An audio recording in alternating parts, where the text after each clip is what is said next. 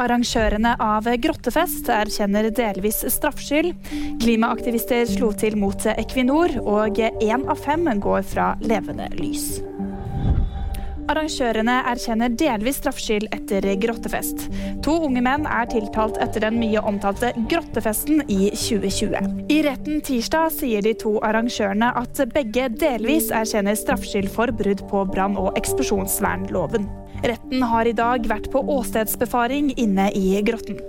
Minst tre personer mistet bevisstheten som følge av karbonmonoksidsforgiftning, og 54 personer som var til stede, oppsøkte legevakten i etterkant av festen. Klimaaktivister slo til mot Equinor. I Oslo ble flere pågrepet utenfor Equinors høstkonferanse. Aktivistene demonstrerte mot oljebransjen. I Trondheim har klimaaktivistene sølt maling på Equinor-bygget. Politiet har opprettet sak på skadeverk. Én av fem går fra levende lys. Det kommer frem i en ny undersøkelse gjort av Norstat for Frende Forsikring.